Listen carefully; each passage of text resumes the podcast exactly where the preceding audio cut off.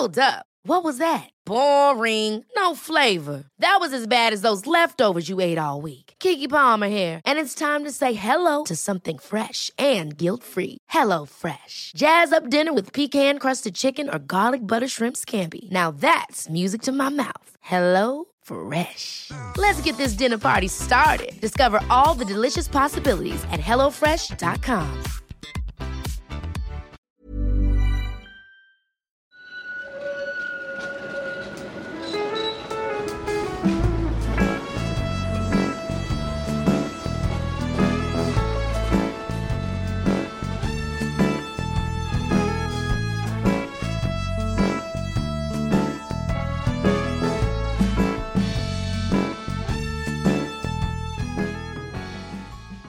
Hej och välkomna till Gator och torg i Göteborg, en podcast om platser i Göteborg.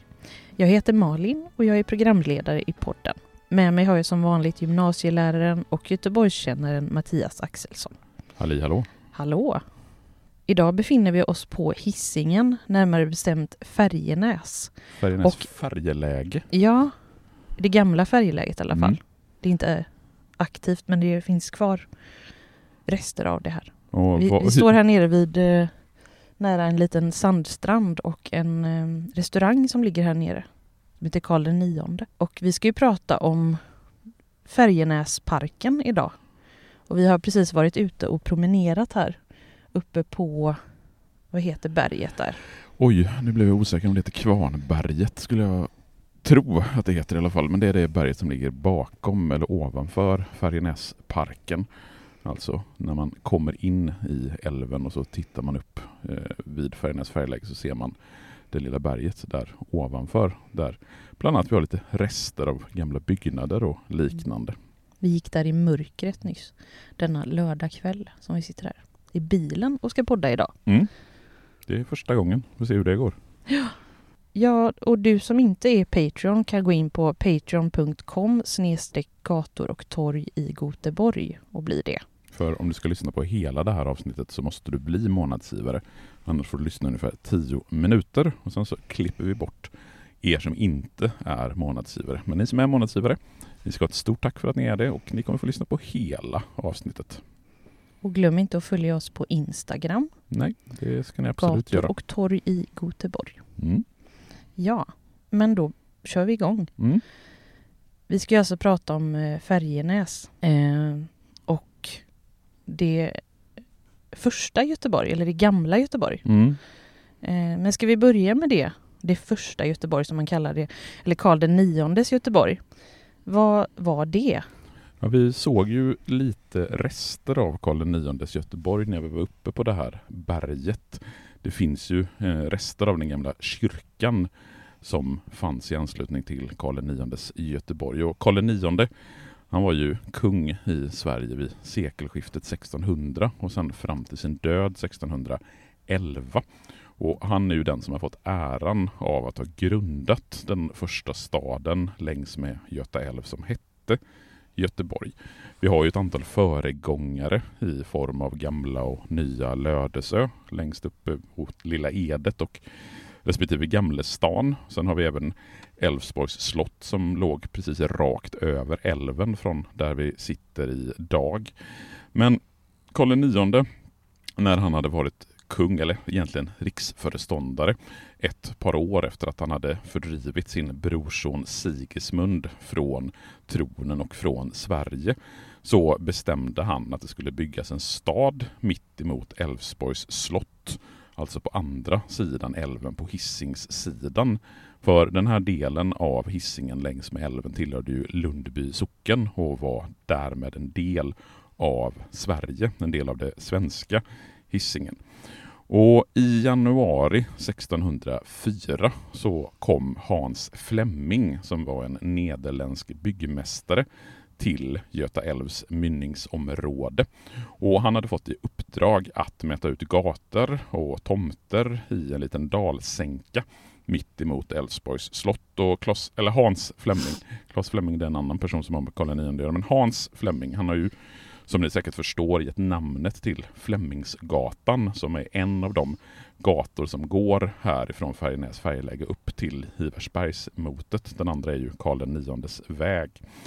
Och Karl IX Göteborg uppförs för att existera parallellt med Nya Lödöse vid Gamlestan. Och det var framförallt utländska köpmän och hantverkare som bebodde Karl IX Göteborg. Nederländska köpmän hade ju precis bildat det Ostindiska kompaniet och deras skepp hade börjat korsa världshaven. Tyvärr så vet vi väldigt lite om hur Karl IX i Göteborg såg ut. Det finns tre ritningar i svenska arkiv med raka kvarter och symmetriska murar och vallgravar. De här ritningarna konstaterade man dock för ungefär hundra år sedan var rena skrivbordsprodukter som egentligen inte alls avspeglade hur Karl IX Göteborg såg ut. Det enda vi egentligen vet det är ju att kyrkan låg uppe på berget eftersom grunden till kyrkan fortfarande finns kvar. Och det är ett av de få synliga spåren av Karl IX Göteborg som fortfarande är kvar uppe på berget. Våren 1611 så förklarade Danmark krig mot Sverige och det är det kriget som kommit att gå till historien som Kalmarkriget. Och i samband med Kalmarkriget så förutom att erövra och ockupera Älvsborgs slott så bränner danskarna i princip ner hela Karl IX Göteborg till grunden. Och det gör ju att Karl IX Göteborg upphör att existera efter bara en handfull år som stad. Efter Kalmarkriget så sluter man freden i Knäred 1613 och Sverige får betala Älvsborgs andra lösen. Vilket innebar att man fick betala en miljon riksdaler silvermynt i fyra delbetalningar för att få tillbaka Älvsborgs slott, Lödöse, Nya Lödöse samt sex härader i Västergötland. Sverige lyckades efter mycket om och men att betala tillbaks de här en, eller betala de här en miljoner riksdalerna. Men då hade Karl IX dött. Han dog 1611 på hösten och hans son Gustav II Adolf bestämde en ny plats för den nya staden Göteborg. Och det är ju den staden som växer fram från grundandet 1621, alltså staden innanför vallgraven. Och det enda vi egentligen har kvar från Karl IX Göteborg är den här kyrkgrunden uppe på berget samt givetvis namnen på dels Karl IX väg och den relativt nyöppnade restaurangen här nere vid Färjenäs färjeläge som heter just Karl IX.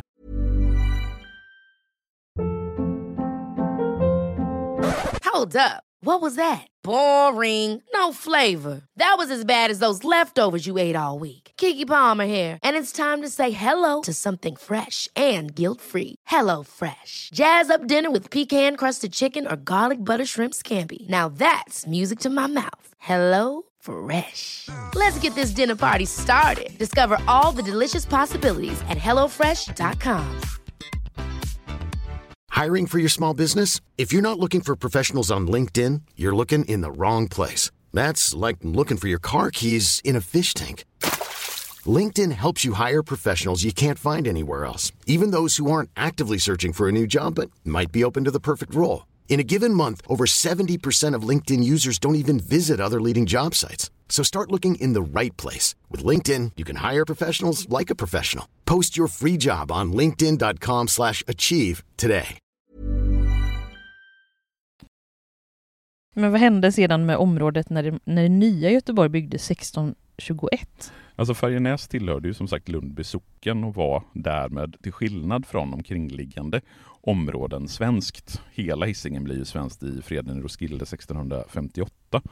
Men under de följande i princip 250 åren så var Färjenäs eh, området här jordbruksmark under hemmanet Färjestaden eller Färjenäs som gränsade till gården Pölsebo i öster. Och det här är ju namn som fortfarande finns kvar till viss del i stadsdelarna, alltså Färjenäs och Pölsebo.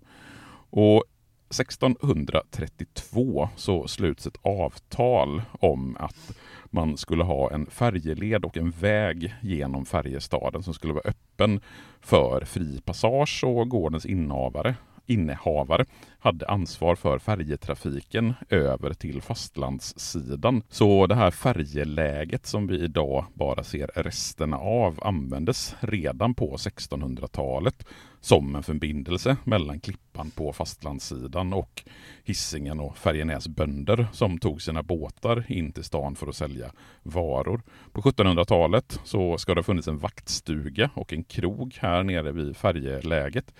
Längs med stranden så fanns det sillsalterier och trankokerier. Och omkring 1750 så anläggs också ett tegelbruk i anslutning till Färjenäs. Och då tar vi ett rejält kliv fram till 1800-talet när industrierna kommer till området. Ja, 1800-talet är ju det stora industrialiseringsårhundradet i svensk och Göteborgs historia. Fast även en bra bit in på 1800-talet, så in på 1800-talets mitt, så har området här kring Färjenäs fortfarande en väldigt lantlig karaktär. Färjestället hade ett par byggnader omkring sig och det här området kallades då för Färjestaden. Och områd, gårdsanläggningen som låg intill omnämndes som Färjenäs.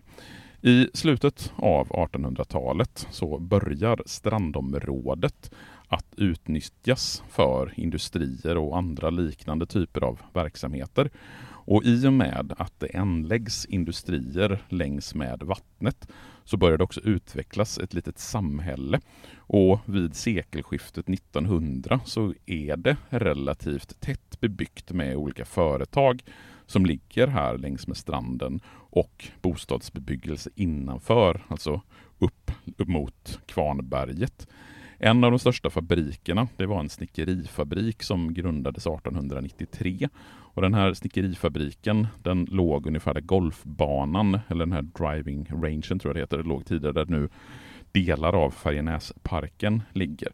Sen öster om den snickerifabriken så låg Göteborgs salt och sodafabrik. I slutet av 1800-talet så etablerades Västkustens Petroleum aktiebolag i västra delen av Färjestaden och på 1930-talet började oljehamnen Ryahamnen att anläggas på strandområdet lite längre västerut på Hisingen. Den här färjeleden som är själva anledningen till att Färjenäs färjeläge överhuvudtaget finns och att Färjestaden och Färjenäs växer fram. Den utvecklas också den under slutet av 1800-talet. 1874 så ersätts den gamla roddfärjan med en ångfärja och i början av 1900-talet så drevs två färjelinjer, en för persontrafik och en för hästtransporter. Och i och med att industrierna växer fram längs med vattnet här i Färjenäs så ökar ju också behovet av arbetskraft. Och vid den här tiden så är det mycket vanligare att människor bor i anslutning till sina arbeten. Alltså man pendlar ju inte på det sättet som vi gör idag. Vilket gör att det byggs bostadshus. Bland annat på Lindholmen borta vid Kvilletorget och vid Färjenäs och det öppnas butiker i området. Då tackar vi er som inte är Patreons för ni får inte lyssna längre. Ni får inte höra vad som händer med Färjenäs och färjeläget under resten av 1900-talet och utbyggnaden av färje... Ni vet vad ni ska göra. Bli Patreons nu allihopa ja. som inte är det redan.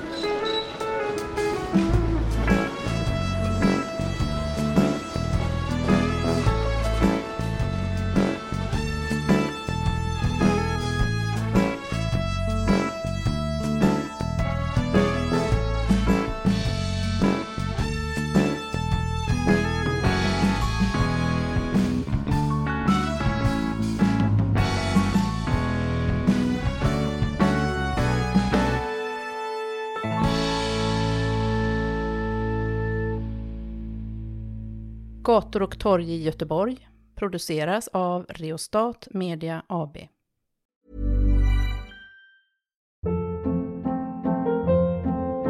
Hold up. What was that? Boring. No flavor. That was as bad as those leftovers you ate all week. Kiki Palmer here, and it's time to say hello to something fresh and guilt-free. Hello Fresh. Jazz up dinner with pecan-crusted chicken or garlic butter shrimp scampi. Now that's music to my mouth. Hello Fresh. Let's get this dinner party started. Discover all the delicious possibilities at hellofresh.com.